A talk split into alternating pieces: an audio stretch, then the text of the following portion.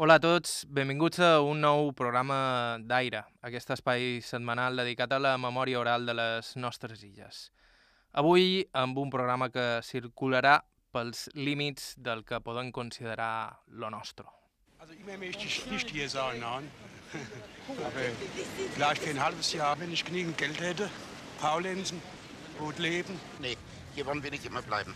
Wir kommen hier zum Urlaub, das ist ganz schön, aber selbst hier bleiben wollen wir nicht. Dafür sind wir nicht geboren. El que estàu escoltant són els primers minuts del documental Ein Eusteiger auf Mallorca in den 70ern, rodat el 1977 per Arpad Bondi a Mallorca. En aquests primers minuts de metratge veiem un seguit de turistes alemanys a la platja prenent el sol, als quals se'ls demana si els agradaria viure tot l'any a l'illa. La majoria ho consideren directament inconcebible. Alguns directament asseguren que s'avorririen. Venc pel sol i la platja, comenta un altre. Ja, schon. Bloß, bloß die Courage, die bringt wohl nicht jeder auf. Nicht? Ich würde es also viel Dauer wahrscheinlich auch nicht aufbringen. Man spinnt sich ja manchmal sowas zusammen. Nicht? Das ist überhaupt nicht konkret. Das ist einfach so das Wunschdenken, vielleicht um aus dem täglichen Einerlei rauszukommen. Der hat keine konkreten Formen. Einfach nur raus aus dem normalen Alltagstrott. En un moment donat, Bondi canvia hàbilment la platja pel camp i veiem un homonot barbut espolsant garrobes.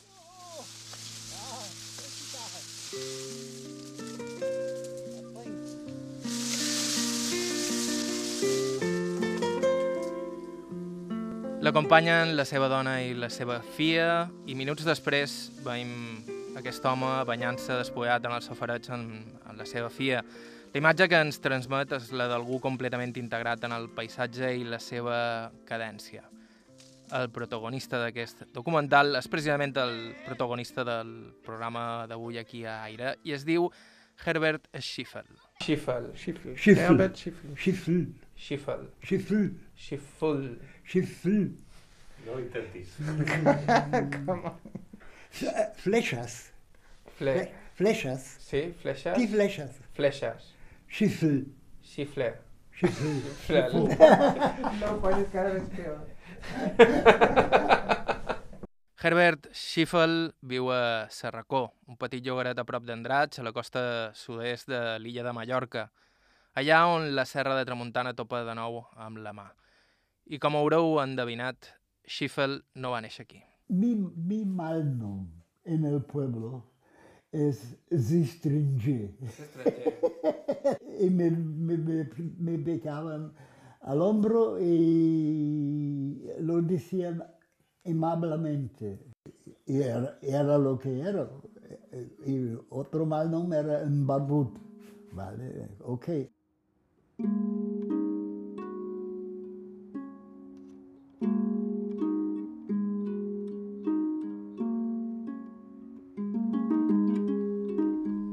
Sempre ens ha costat bastant definir l'objectiu d'aquest programa. Per simplificar-ho, sempre solem dir que ens agrada escoltar històries, però en el fons sempre feim voltes als mateixos temes, la nostra història, les nostres tradicions, qui som i d'on venim. Doncs bé, avui ens veurem a través dels ulls d'algú que no va néixer aquí, però que potser és més d'aquí que molts de nosaltres. Algú que és mallorquí no per l'atzar, sinó per decisió pròpia, i que s'ha integrat de forma formidable a l'illa sense renunciar a cap de les seves excentricitats d'artista. Avui coneixerem a fons el senyor Herbert Schiffel, Schiffel. l'estranger. Començam.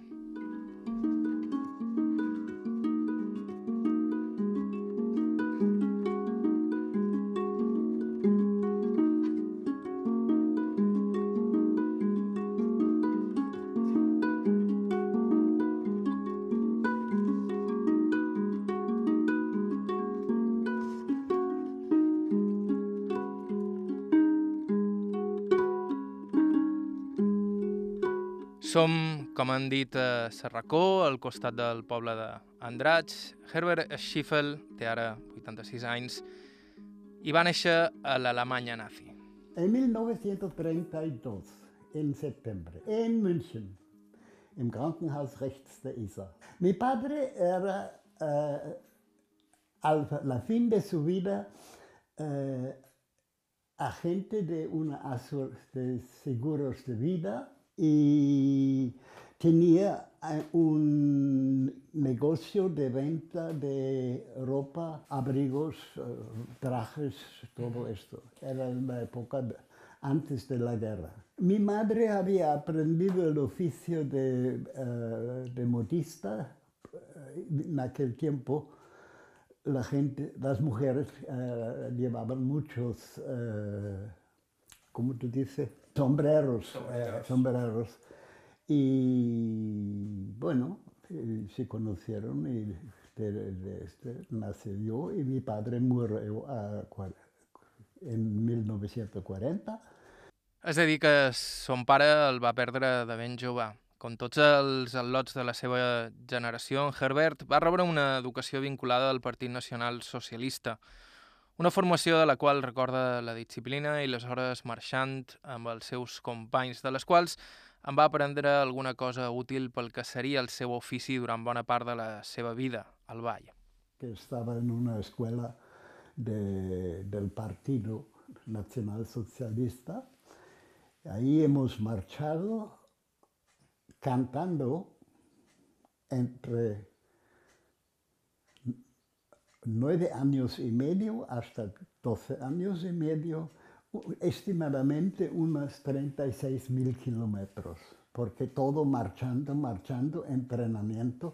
Entonces se desarrollaba eh, la capacidad de obedecer sobre comando o de mandar harás tú.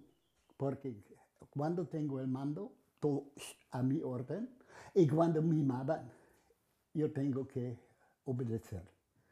Que encuentro un sistema muy bien porque tú aprendes ser abajo y arriba al mismo tiempo. Y esto es en el baile importante, porque el baile tiene una, una parte de, de guerra, de agresión. El baile clásico, por ejemplo, aunque nadie quiere entenderlo cuando le digo, es un puramente baile de guerrero, de esgrima. Y esto es la, base, por ejemplo, del baile clásico, porque uno es pa'lante, ataco, me retiro, esquivo tu agresión, ataco lateralmente para llegar a ti o responder, ¡pam! Estos son los movimientos básicos del cuerpo. Ataque, cuida, esquiva. Cada siete años en la vida cambian las cosas. Con siete años Hitler empezaba la guerra y murió mi padre. Eh, con 14 años la guerra era terminada y era fantástico. Toda la ciudad estaba bombardeada, todos los viejos que siempre mandaban, todos los que- con mano arriba y todo esto se había terminado. Era un silencio enorme en el centro de mi ciudad donde nació, en München. Y todas las casas en ruinas eran para mí para jugar. Estaba en pleno centro de München, cuatro kilómetros cuadrados alrededor, no vivía ni otro chico, entonces ruinas. Pum. Pude jugar en este, pude tirar piedras en la ventana de mi escuela, que ya estaba quemado, bombardeado.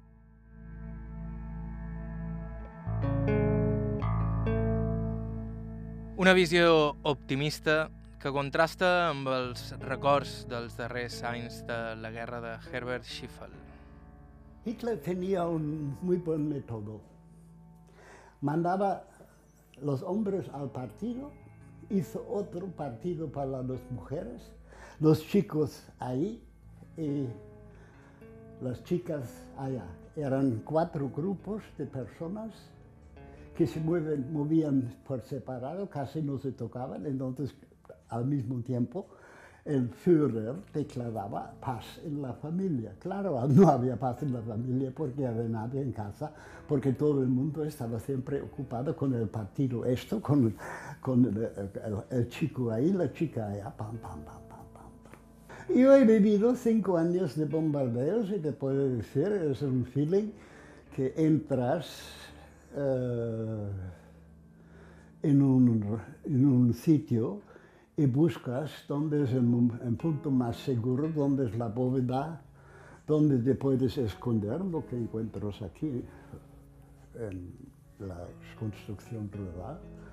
Y ahí estás y apagas mentalmente, mientras la tierra trembla, mientras eh, la suciedad te cae encima del coco y como estás niño, estás inmortal y sabes que va a pasar nada y encuentras los adultos que se ponen histéricamente gritando por su vida un poco tonto, porque va a pasar, qué va a pasar y no lo- nadie sabe.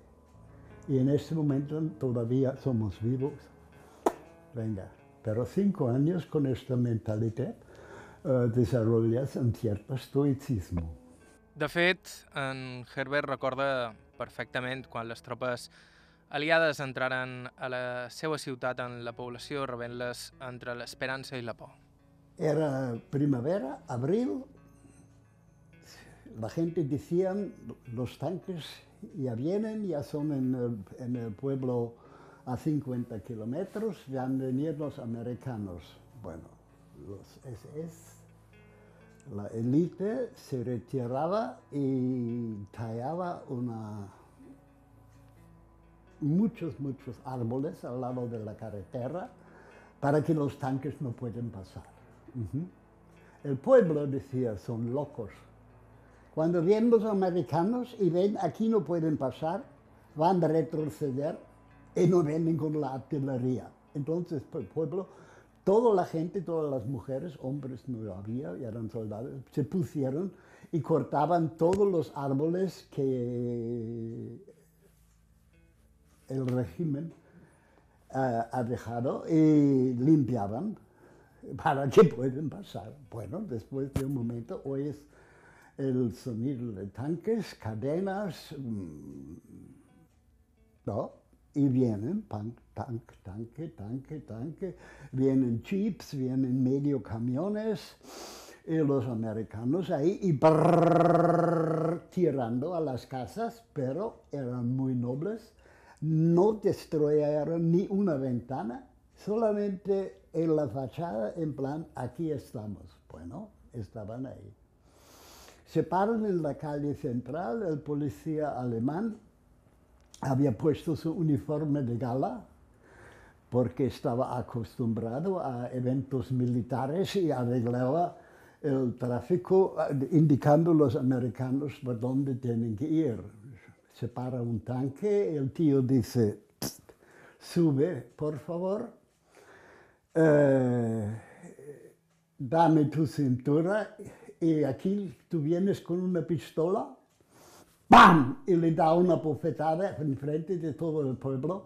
El pueblo mira atontadísimo que pasa por aquí. ¡Buf! Entonces el policía se va. En ese momento los alemanes tenían la idea genial con una metralleta del monte enfrente, ¡prrrr! tirar sobre los americanos que estaban relajados en sus, vehículos militares. Entonces cambia el panorama.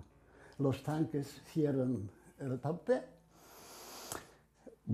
y empiezan a- a cantar la metralleta. Prrrr, Matan a una pobre mujer que no corría suficientemente rápido y se marcharon.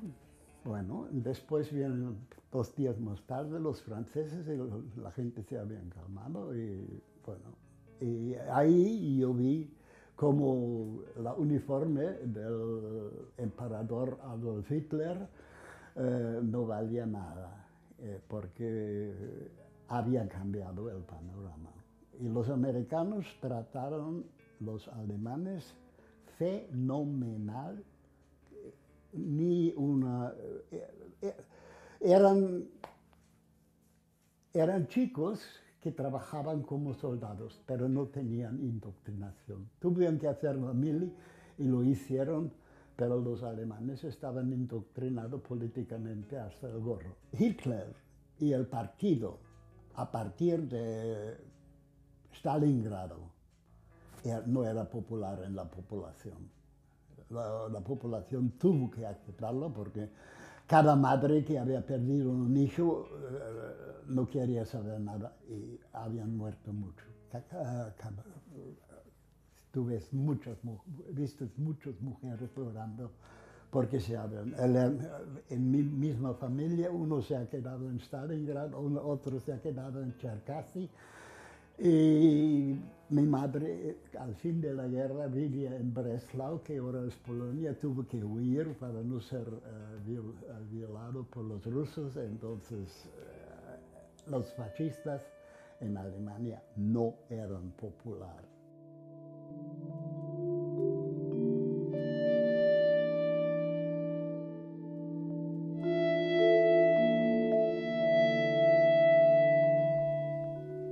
Anys després d'acabada la guerra i com molts d'altres alemanys i en realitat al món, Herbert Schiffel comprendria la veritable dimensió de la dictadura de Hitler i les inhumanitats d'un règim demencial. Cuando yo vi las películas sobre Mauthausen, de los fosos, de los cadáveres, de los judíos que habían apilado ahí. Entonces a mí me han educado con una moral cristiano y con una moral ideológico. Pero cuando yo he visto que ha pasado ahí, hombre, para mí se ha derrumbado toda la película. De la uniforme, del swastika, de, de la música, del marcho, de, de- todo el rollo. Ahí. No. Hace- esto no se hace. Así no. Y, la población pensaba lo mismo. Porque el, ¿quién es el judío? El judío es el vecino a tu lado que dice judío, pero joder, ¿qué es? Eh, Es judío. Es un, eh, ¿Quieres tú católico, judío, musulmán?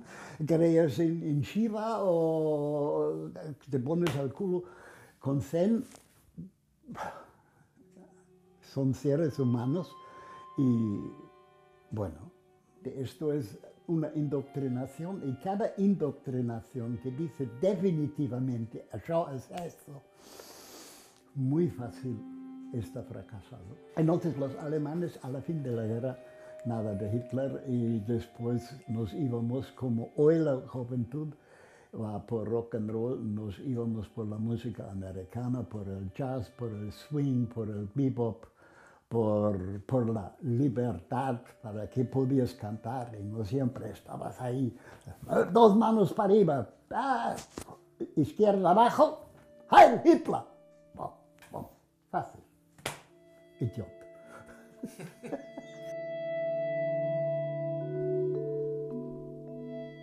Després de la mort de Hitler, Alemanya era un país devastat per la guerra, però amb la desaparició del règim també s'obrien milions de possibilitats per una població que fins llavors havia viscut compartimentada i dirigida. Un entorn ideal per algú amb set de llibertat i noves experiències com el nostre Herbert. En uns segons aquí a Aire, el teatre, el ball i la seva arribada a Mallorca. Fem una petita pausa i continuem.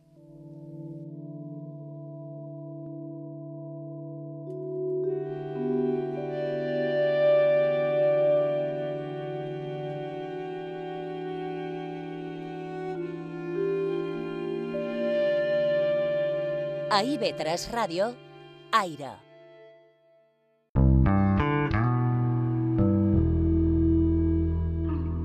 Joan Cabot. Aire.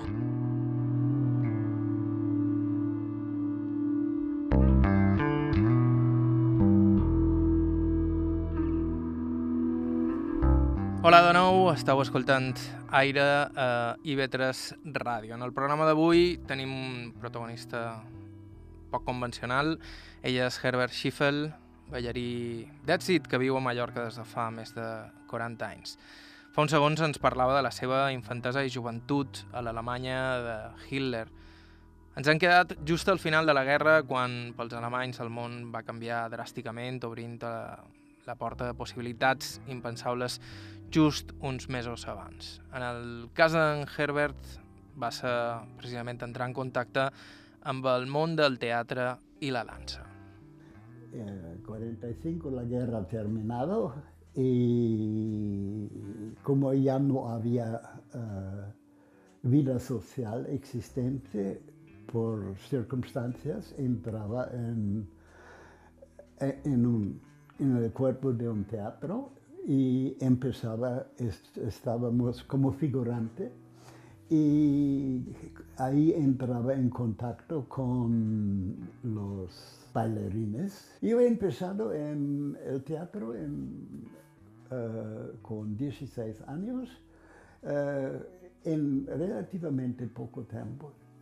Con 21 años pude ir pro realmente profesional, después formaba con mi primera mujer una pareja de baile acrobático y pues debutamos en París en 57 y ahí yo conocí toda la cultura de, de, de este momento.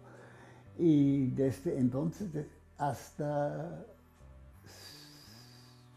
hasta 70 corríamos por toda Europa y Oriente, entonces yo actuaba en Teherán, en Edimburgo, en Titos, en,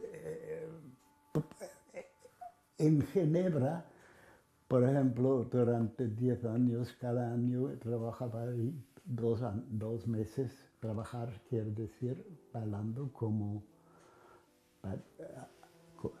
con pareja, con acrobático, con número de atracción.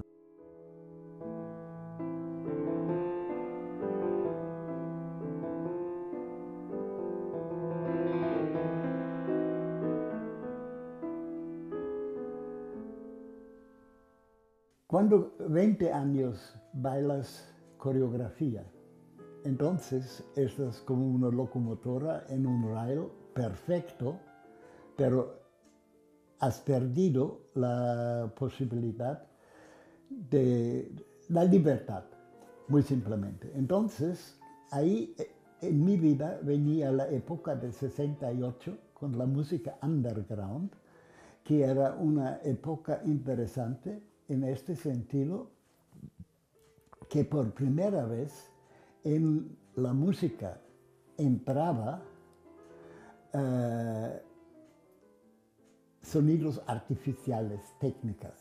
Las guitarras de Jimi Hendrix contra el altavoz eran nuevos, la gente no lo había oído nunca, entonces entraban en, liberaban eh, cosas en las personas que antes no existían, no, que eran bloqueadas. Esto también significa que el, baile cam, cambiaba, porque en el vals tú has tan, tan, tan, pero en, en, el momento entras en, en la, la, música underground.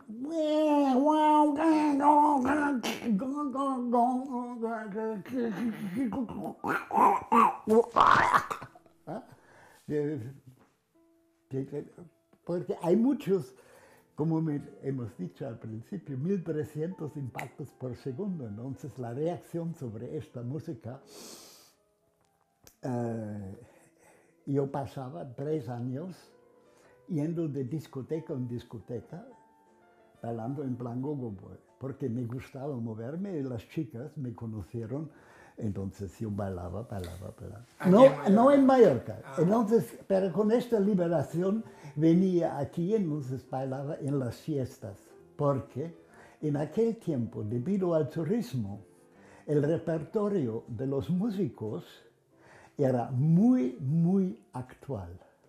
Yo no conozco los nombres de los grupos mallorquines o españoles de este tiempo, pero los músicos que se formaban en este tiempo, claro, venían con la música de Janis Joplin, venían con la música de Jimi Hendrix, o Frank Zappa, o Pink Floyd, o Led Zeppelin, o eh, The Who, o, o Dire Straits.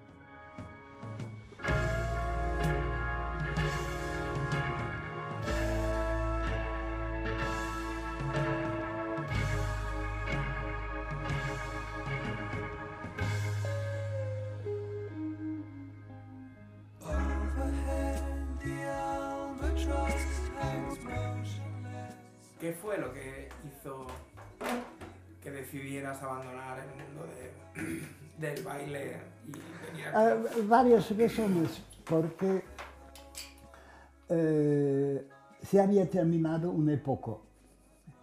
Al principio yo trabajaba en teatros. Viene la televisión y la gente ya no van al teatro, entonces solamente se puede trabajar en cabarets de noche.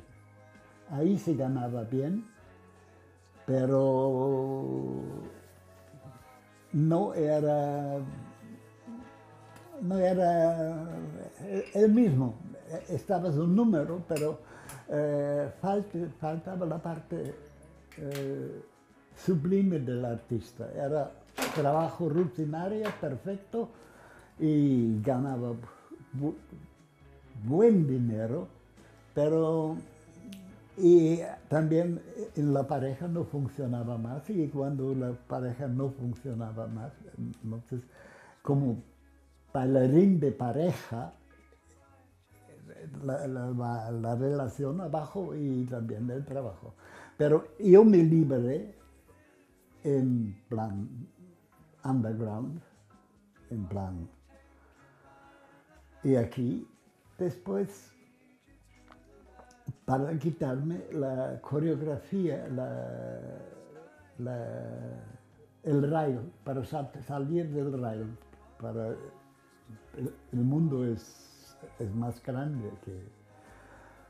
Ya, y hace 25 años descubrí el tango argentino en la asistencia parmesana. Y el tango argentino es tan simple,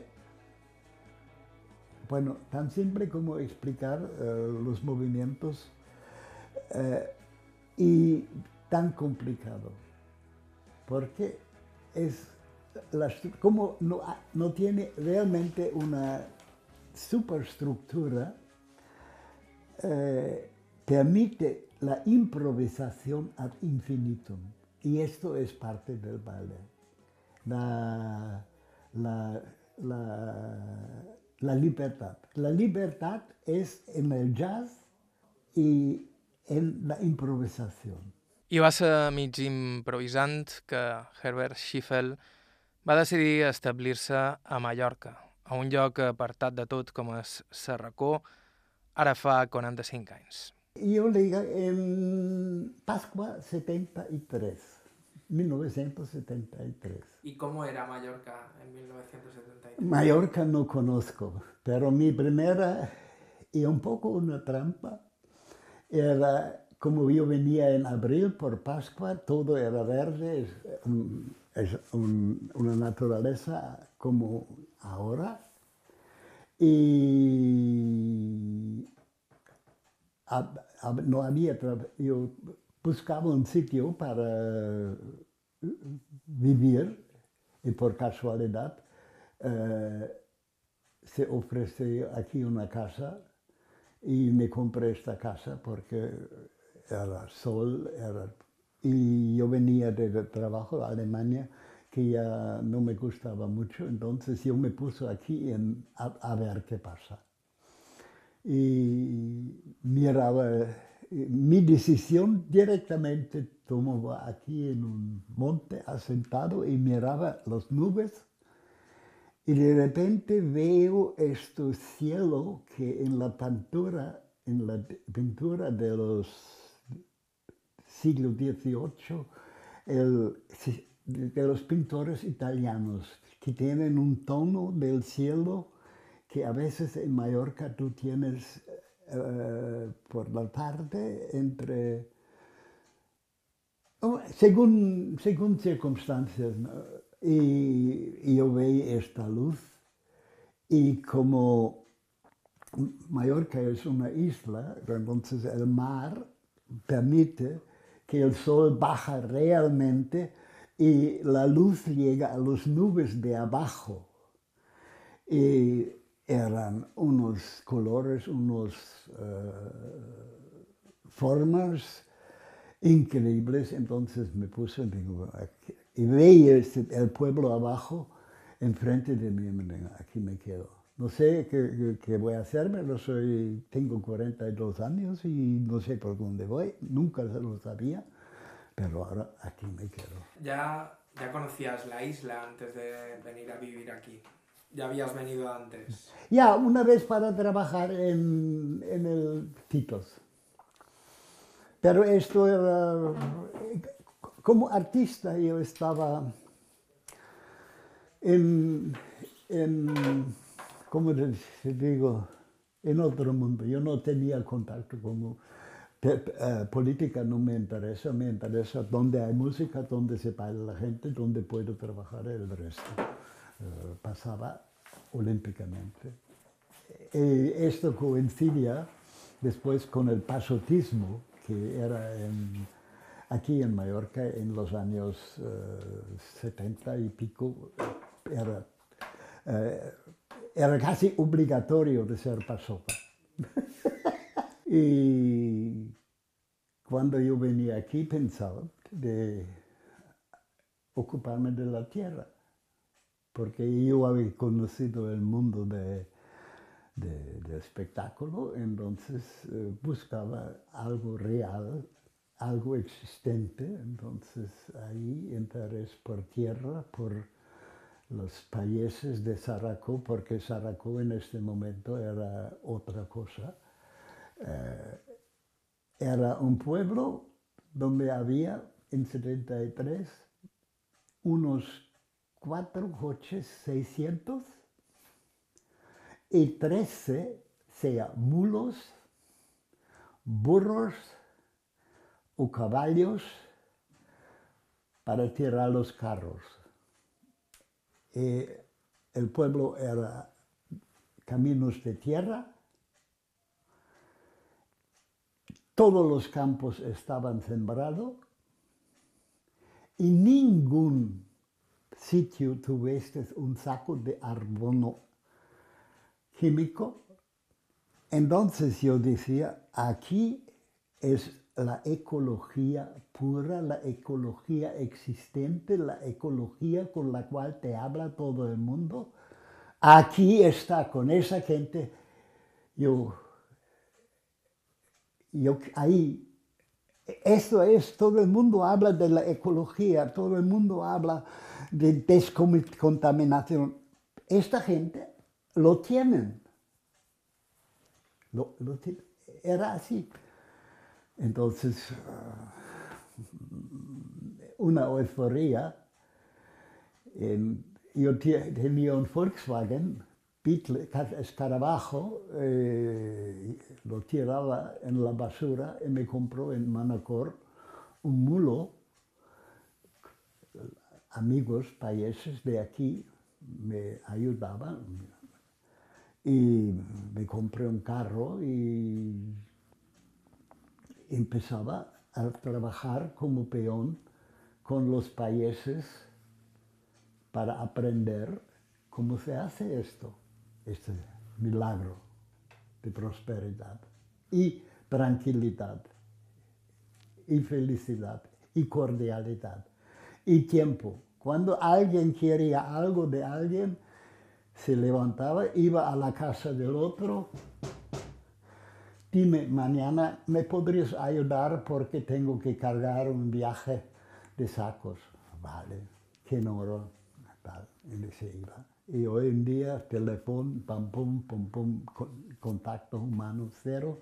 La gente solamente con botones, mirando a través de cristales, contacto humano punk cero y un, un, una carrera, a, rat race, dicen los americanos, una carrera de ratas que no ganan. Son, la gente se mueve hoy en día como en un ruedo, como los hámsteres.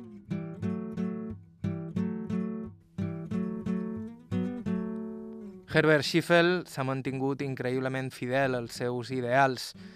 Viu en una casa encara desconnectada del sistema elèctric, construïda de manera tradicional per ell mateix, enfonyada en un caminoi de terra ple de pedres, gairebé com si no volgués ser trobat.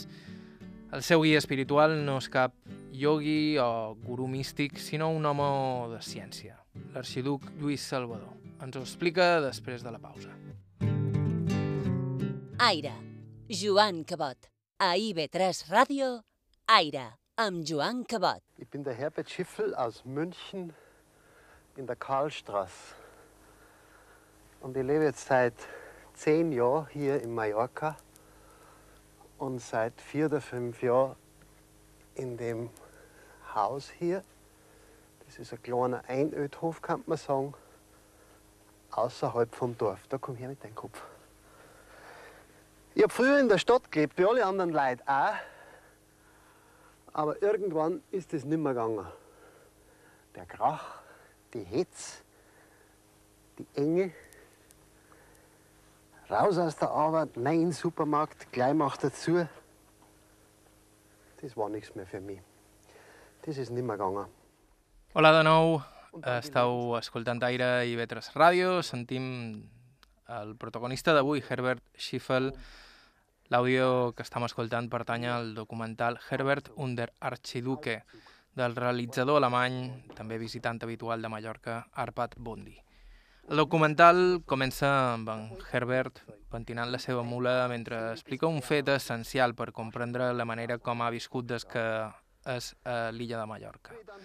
En Herbert sempre feia preguntes als mallorquins sobre aquest tema o l'altre, fins que va descobrir un llibre, un volum descomunal escrit per un estranger com ell, l'arxiduc Lluís Salvador, anomenat Di Balearen. Allà diu, i era tot, qualsevol petit detall sobre l'illa hi apareixia anotat. I aquell llibre es va convertir en la brúixola d'en Herbert, la seva guia a la mallorquinitat. El primer mallorquín que, que encontraba me invitaba a comer porque era una deuda. Y la gente, fantástico. Los hombres eran realmente hombres. No habían estudiado a la universidad, pero sí sabían cómo se trabaja un trozo de hierro.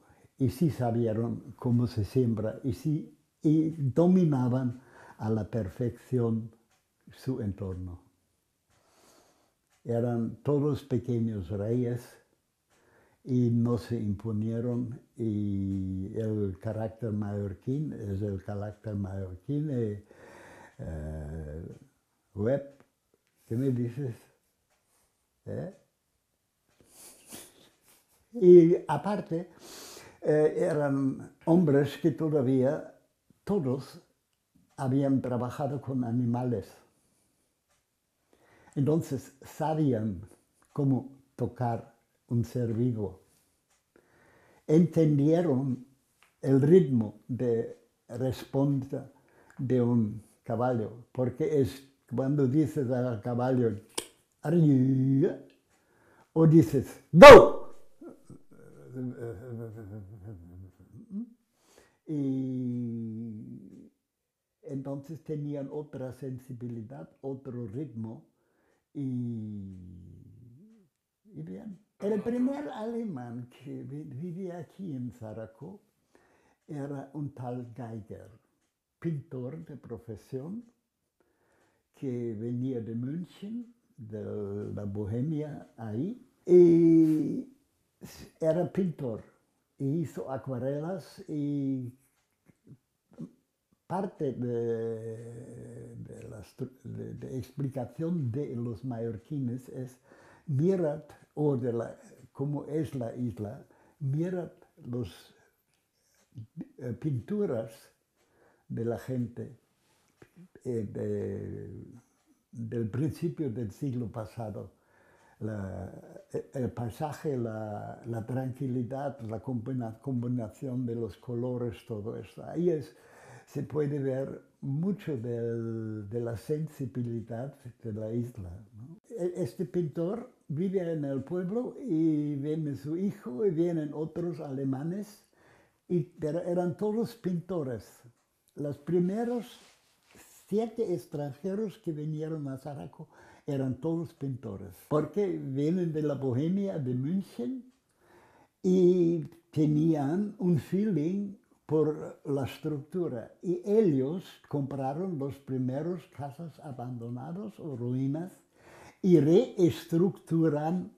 Mira, mi casa, la mitad de esto es nuevo, porque estaba tan en ruinas, pero yo he intentado de mantener eh, la, la, arquitectura rural, la, la, la, arquitectura honesta, porque un mallorquín me ha explicado, las cosas que vienen de lejos no valen.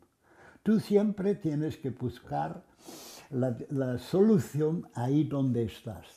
Y aquí estamos, y aquí queremos construir una casa. Aquí hay fango, aquí hay tierra y aquí hay rocas. Y con esto construimos una casa. La técnica inventa muchas cosas, pero estas casas mallorquinas de piedra tienen una, pared de piedras exterior. Entre esto y la pared interior hay tierra, que es un aislante.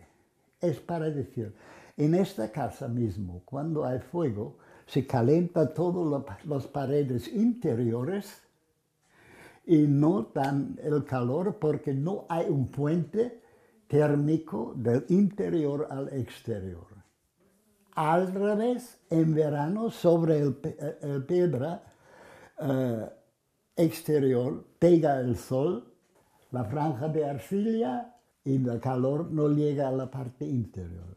Entonces, si hay una casa ecológica, no tenemos que ir a la universidad, solamente tenemos que hacer que los mallorquines y la gente mediterránea han hecho siempre. El resto es tontería. Aquí una casa honesta mallorquina se ríe de toda la arquitectura moderna. Jo he reconstruït diverses cases. Com han dit, encara avui en dia en Herbert Schiffel viu amb l'electricitat d'unes petites plaques solars, sense televisió, a mig del camp, en una casa tradicional protegida per cents d'arbres que va plantar ell mateix.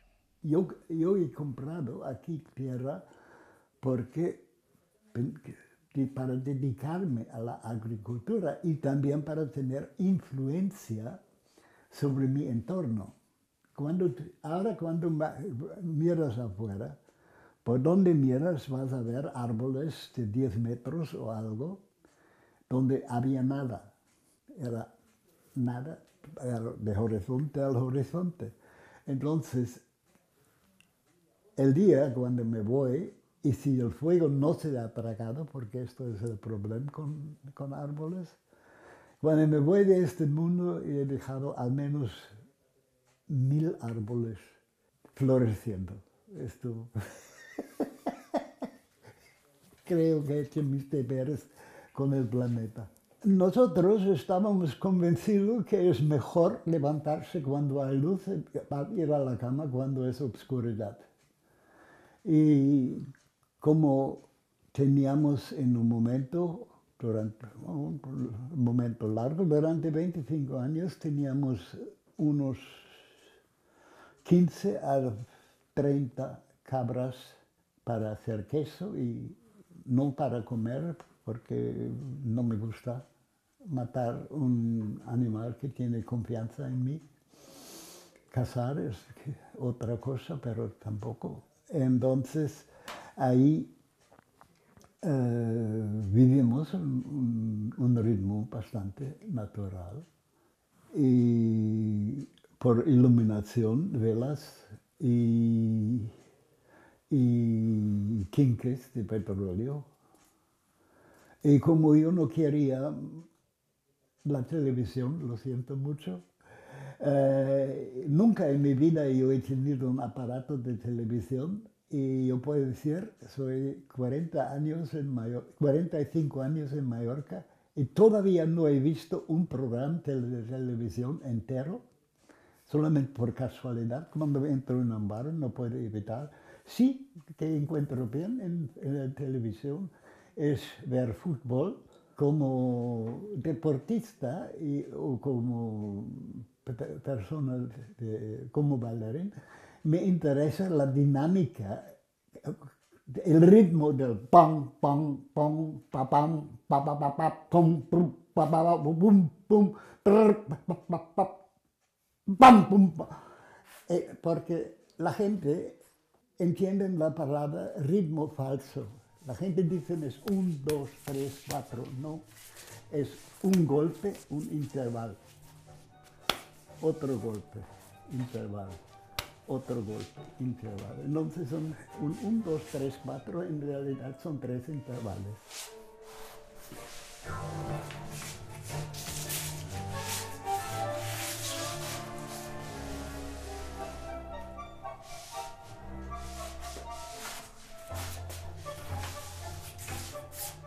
Abans de partir en Herbert i la seva dona, en Regine Kempf, que és també ella mateixa artista, ens ballen un tango.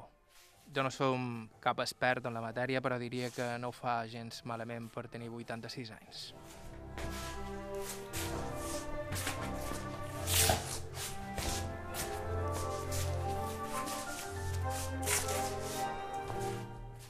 De fet, una anècdota. Na Regine m'explica que baixen cada cap de setmana a Palma a ballar, malgrat la seva edat. Així que amb tango acabarem el programa d'avui.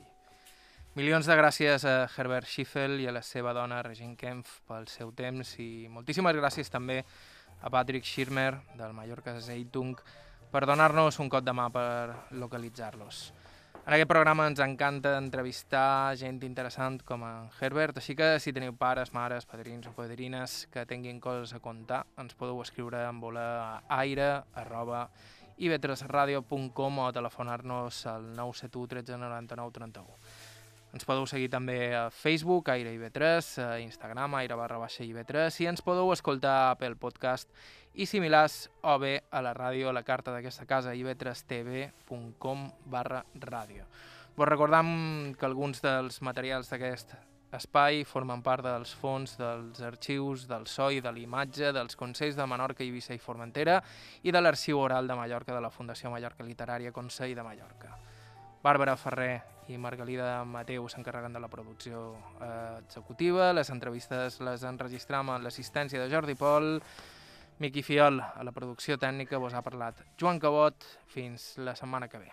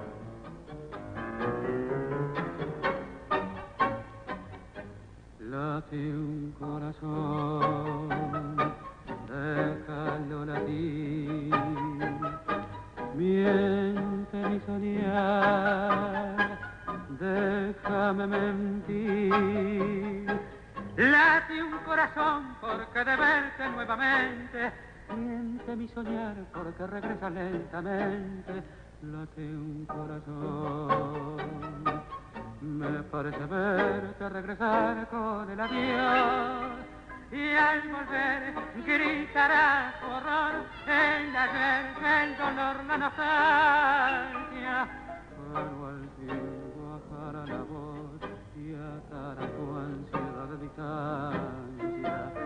Y sabrás por late un corazón al decir que feliz. Y un compás, y un compás de amor unirá para siempre el adiós.